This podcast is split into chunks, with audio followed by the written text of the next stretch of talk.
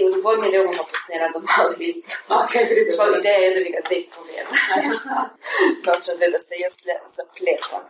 Če bi bilo lažje, kako bi ga samo enkrat povedala, ker doma, ko ga povem, potem ga moram vsakič.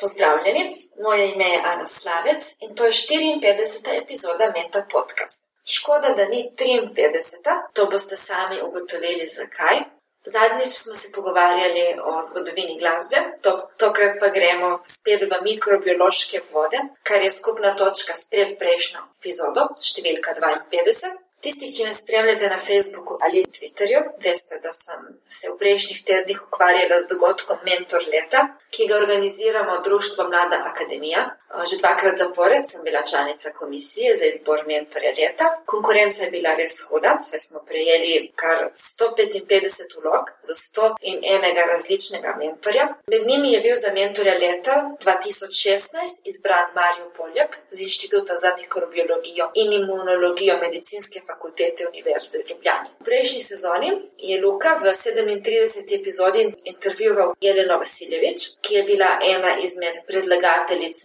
mentorice leta 2015, to je bila Barbara Simončič. Odločila sem se nadaljevati to tradicijo in intervjuvati eno izmed letošnjih predlagateljic. Z mano je Anja Štrbenc, doktorica medicine. Anja, pozdravljena. Lepo zdrav tudi vam. Drugič, intervjuvam nekoga, ki je študiral medicino. V prejšnji sezoni sem se v 34. epizodi pogovarjala z Alešem Maverjem z Kliničnega inštituta za medicinsko genetiko. Tudi tokrat bo nekaj govora o genetiki. Ampak preden se začneva pogovarjati o tem, bom vprašala nekaj, kar sem tudi Aleša. Tipično si študent medicine želi postati zdravnik, ne pa raziskovalec. Kako si se odločila za to raziskovalno pot? V bistvu, že nekako od otroštva sem si želela nekaj raziskovati. Sicer se je sam objekt raziskovanja uh, vse čas spremenil.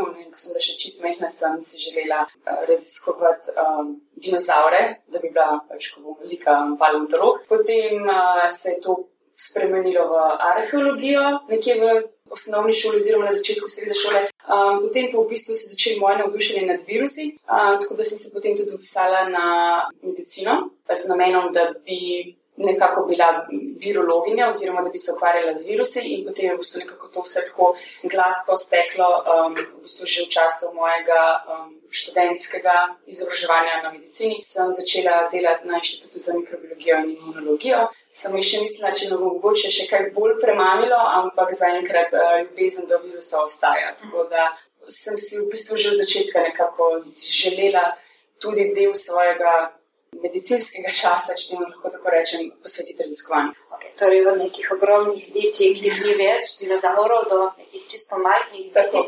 Ali lahko sploh rečemo bitja, kakšno mislim? ja, uh, vem čisto toliko kot. Uh, Vsi ostali, oziroma pa še vedno obstajajo te polemike, ali sploh gre za živa bitja, oziroma ne. Zaradi tega, ker gre res za ena tako majhna majhne, preproste patogene, ki po nekaterih definicijah sploh ne zadostujejo merilom, zato da bi jih lahko poimenovali kot um, žive organizme. Se pa v bistvu nedavno nazaj so bile narejene tudi neke raziskave, kjer smo pokazali, da mogoče pa uh, le gre za neke v bistvu neodvisne.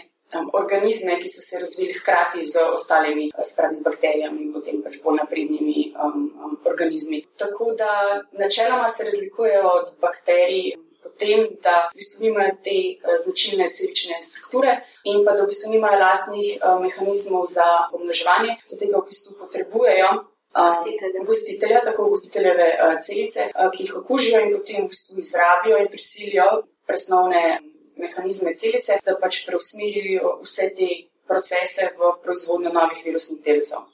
Tako da pač tega vidika bi lahko rekli, da pač nisem najbolj živa bitev, ker to je eden izmed pogojev za to, da lahko govorimo o živih bitih sposobnosti razmnoževanja ampak so pa nek skupek nekih molekul in imajo, če sem prav razumela, tudi nek genski zapis. Tako je, ja. zgrajeni so v bistvu iz uh, genskega materijala, ki je lahko v obliki ali DNA ali pa RNA in ta uh, molekula potem uh, ovija um, beljakovinski plašč, ki ga imenujemo kapsida. Potem pa nekateri virusi imajo lahko še zunanjo vojnico, lipidno vojnico, lahko pa je tudi nimajo. V bistvu tako, da gre za precej preprosto um, strukturo, ki pa je izjemno učinkovita, pač izrabijo vsak milimeter prostora v genomu, ki ga imajo, za, za da lahko naredijo, kar želijo. Mhm. Zdaj, virusov obstajajo različne vrste in so tudi ena tako pogosta tema v medijih, recimo lani, predlani je bila ta tema Zika virus. In če se ne motim, so eni med sodelavcev tukaj, vaših na inštitutu, objavili ta članek o Zika virusu, ravno tako na inštitutu za mikrobiologijo in imunologijo, ampak to je nek drug oddelek. Tako je. Ja. Uh, na inštitutu imamo več um, različnih, v bistvu se ukvarjamo z različnimi področji in tudi laboratoriji so nekako razporejeni v, kako bi temu rekli, štiri sklope. Uh, se pravi, imamo na eni strani bakteriologijo z mikologijo, potem uh, virologijo, kamor spada tudi naš laboratorij, in pa potem uh, imunologija, pa še parazit, parazitologija. No, in pod um, virologijo spada, um, poleg uh, našega laboratorija, uh, se pravi laboratorij za molekularno mikrobiologijo in diagnostiko hepatitisov in AIDS-a, še laboratorij za diagnostiko zoonosi, laboratorij WHO, kjer so v bistvu um, potrdili to um, vzročno povezavo med um, okužbo z virusom Zika in mikrocefalijo pri um, tem um, otročku. Potem pa imamo še laboratorij za diagnostiko virusnih infekcij in pa še laboratorij za elektronsko mikroskopijo in diagnostiko um, gastroenteritičnih virusov. Tako da to je v sklopu virološkega dela. Koliko vas je vseh skupaj zaposlenih na inštitutu? Približno. Ne vem, tam nekje med 120 do 150. Ja. Kaj po tem laboratoriju? Nas je pa odvisno od dneva, ampak nekje do 15 nas je. To je laboratorij za diagnostiko hepatitisov in HIV-a. Ja. Um, se pravi, imamo ločeno um, diagnostiko, ki je um, pravi, rutinska, uh, in potem tudi ločen raziskovalni del, ki smo večinoma mladi raziskovalci, ki se ukvarjamo predvsem z raziskovanjem, ne toliko z diagnostiko in pač kliničnimi vzorci um, pacijentov v, v rutini. Zdaj, sama se ukvarjaš predvsem s papiloma virusi. Tako je. Kaj so to? To so um, taki majhni virusi, ki spadajo v skupino zelo heterogenih DNA um, virusov. Večinoma gre za viruse, ki povzročajo latentno, se pravi, pač asimptomatsko okužbo. Um, pa nekateri izmed njih pa tudi povezujemo z nastankom raka in pa drugih benignih sprememb. Um, in glede na v bistvu njihov onkogeni potencial, jih delimo na visokorizične in pa nizkorizične genotipe. In od teh verjetno najbolj znani sta HPV-16, HPV-18, visokorizična genotipa, ki jih povez, ki povezujemo z nastankom raka materničnega vratu, vratu pri uh, ženskah, povzročata pa tudi druge rake, recimo um, rak zadnika rak spolovil, rak penisa, rak glave in vratu, se pravi, veliko različnih um, malignih sprememb, in pa potem nizkorizične uh, HPV, HPV-6, pa HPV-11, ki pa povzročata genitalne bradavice in v bistvu papilome grla. In v bistvu ti vsi štirje so potem tudi vključeni v to cepivo, ki teh HPV, se pravi, zdaj še z dodatkom petih drugih genotipov, ki potem so vključeni v to devetpalentno cepivo, ki je na voljo um, deklicam v šestem razredu osnovne šole za cepljenje proti HPV. To cepljenje je možno samo takrat, v tej starosti, ali tudi kasneje se lahko cepimo. Brezplačno cepljenje je na voljo tem deklicam v, šestem razredu osnovne šole in pa za zamudnice, se pravi do osmega razreda osnovne šole. Je pa na voljo tudi starejšim, ampak je potrebno plačilo za to v bistvu, cepljenje, zaradi tega, ker ni v sklopu zavarovanje, oziroma ne, zavarovanje ne pokriva. Ampak to cepljenje verjetno ima nek smisel samo kot preventiva, če v bistvu ta virus že imaš, v bistvu to ne pomaga več. Res je, da je cepivo najbolj učinkovito, uh, kadar cepimo deklice, ki, so, uh, ki še niso imeli spolnih odnosov. Uh, se pa definitivno priporoča tudi tistim, ki so že začele, mislim, ki so že imeli spolne odnose, zaradi tega, ker je v bistvu tudi verjetnost, da bo da bo imela vse genotipe v devetvalentnem cepivu zelo majhna. In je pa zaščita in učinkovitost tega cepiva izjemno dobra, zaradi tega se pač priporoča tudi starejšim cepljenje. In tudi uh, upam, da se bo uvedlo cepljenje za, spravi, fantke, fante. Aha. Ja, da bi bilo pač tudi uh, njih je potrebno začititi, ker tudi. V bistvu oni imajo zelo veliko lahko tveganje za nastanek pač raka, recimo anus ali pa raka v področju glave in vrtu. Poleg tega, da tudi pač virus lahko prenaša. Tako, ja, potem prenaša v, v ženskam, partnerkam in v bistvu se nekako potem lahko to vzdržuje še naprej. tako bi se pa hitreje prekinilo. Isto, kako spoh nekdo ugotovi, da, da ima ta virus, da ga prinaša?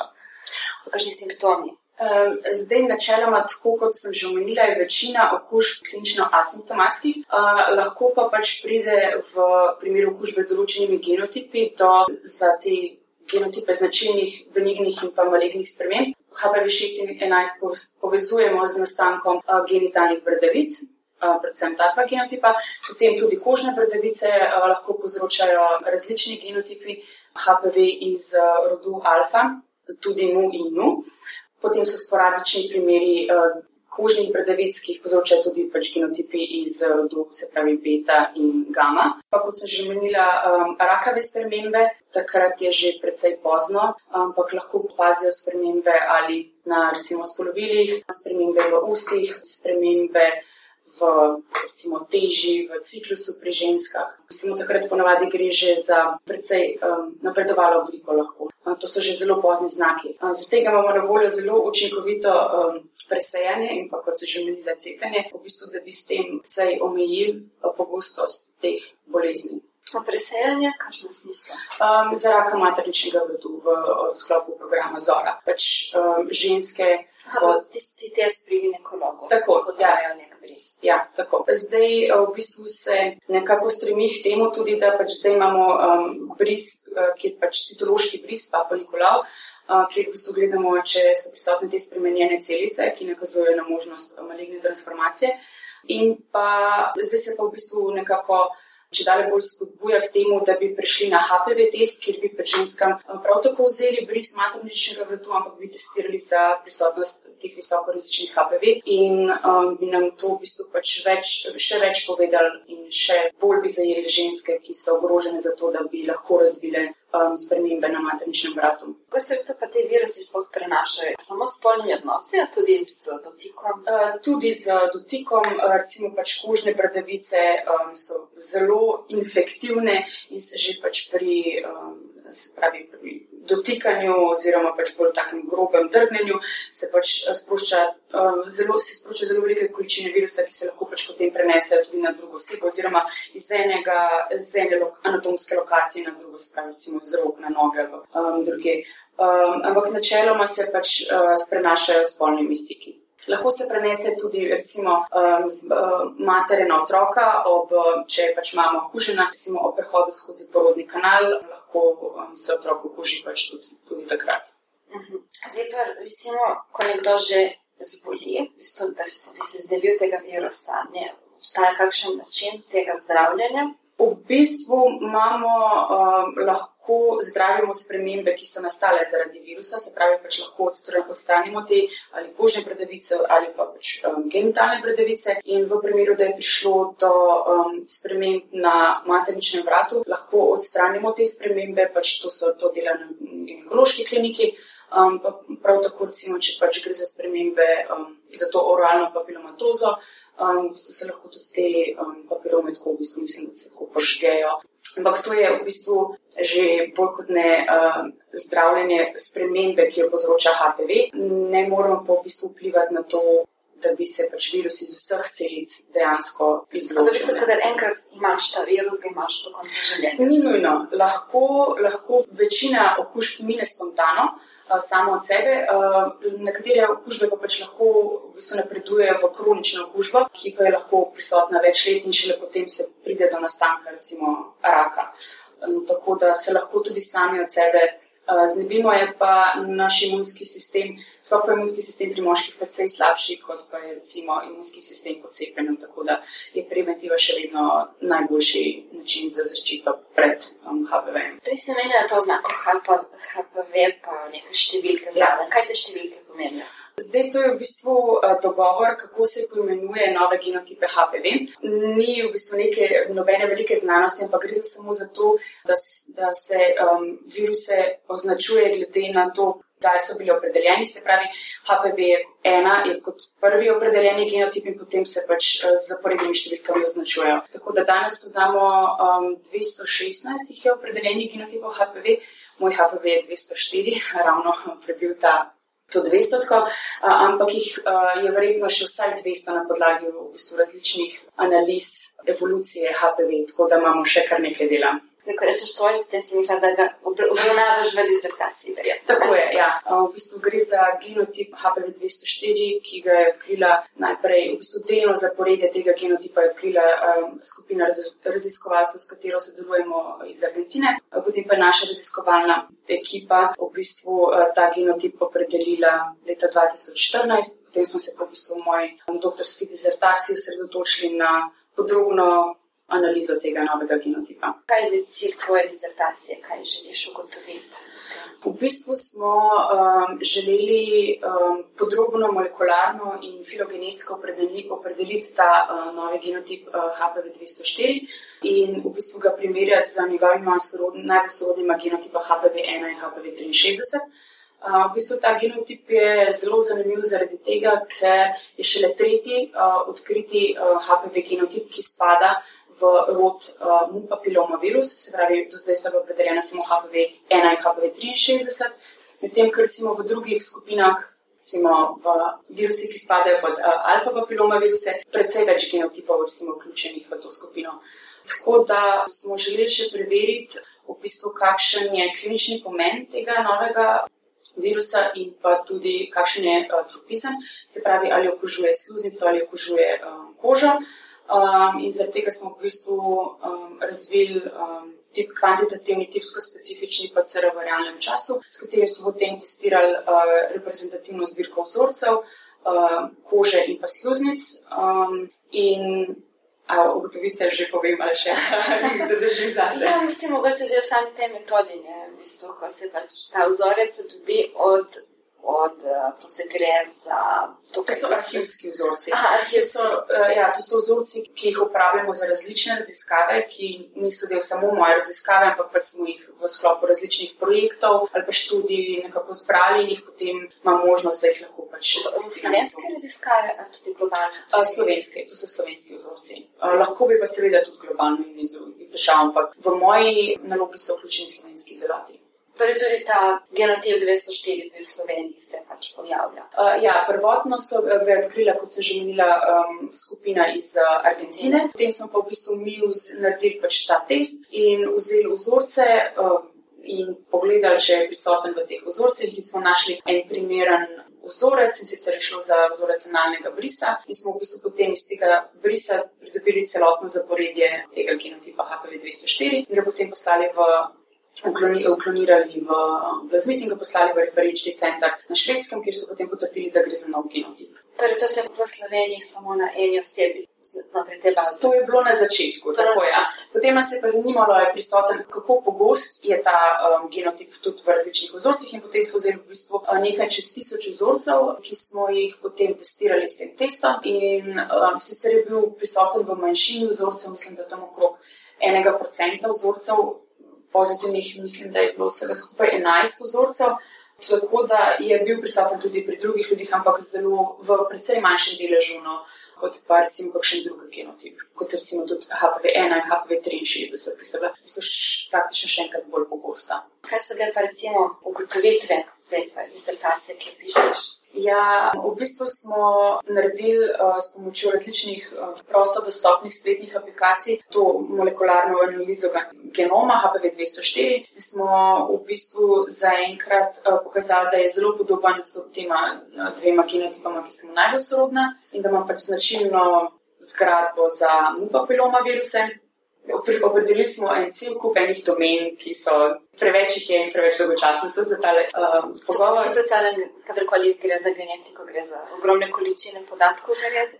Ne tako, toliko ogromne količine, kot pa v bistvu za neko iskanje, mislim, vsaj v, v s tem, kar sem jaz delala, je šlo za iskanje točno določenih zaporedij v genomu, ki imajo potem um, neko vlogo ali v samem pomnoževanju virusa oziroma njegove vezavi na celice pač različnih v različnih stadijih življenjskega cikla um, tega virusa. Tako da uh, to je to. Ja, nažalost, nismo uh, uspeli dokazati, da bi HPV-204 povzročal kakšne spremembe v smislu bradavic. To je mogoče pa je to dobro. no, ja, ali pa tudi dobro, ja.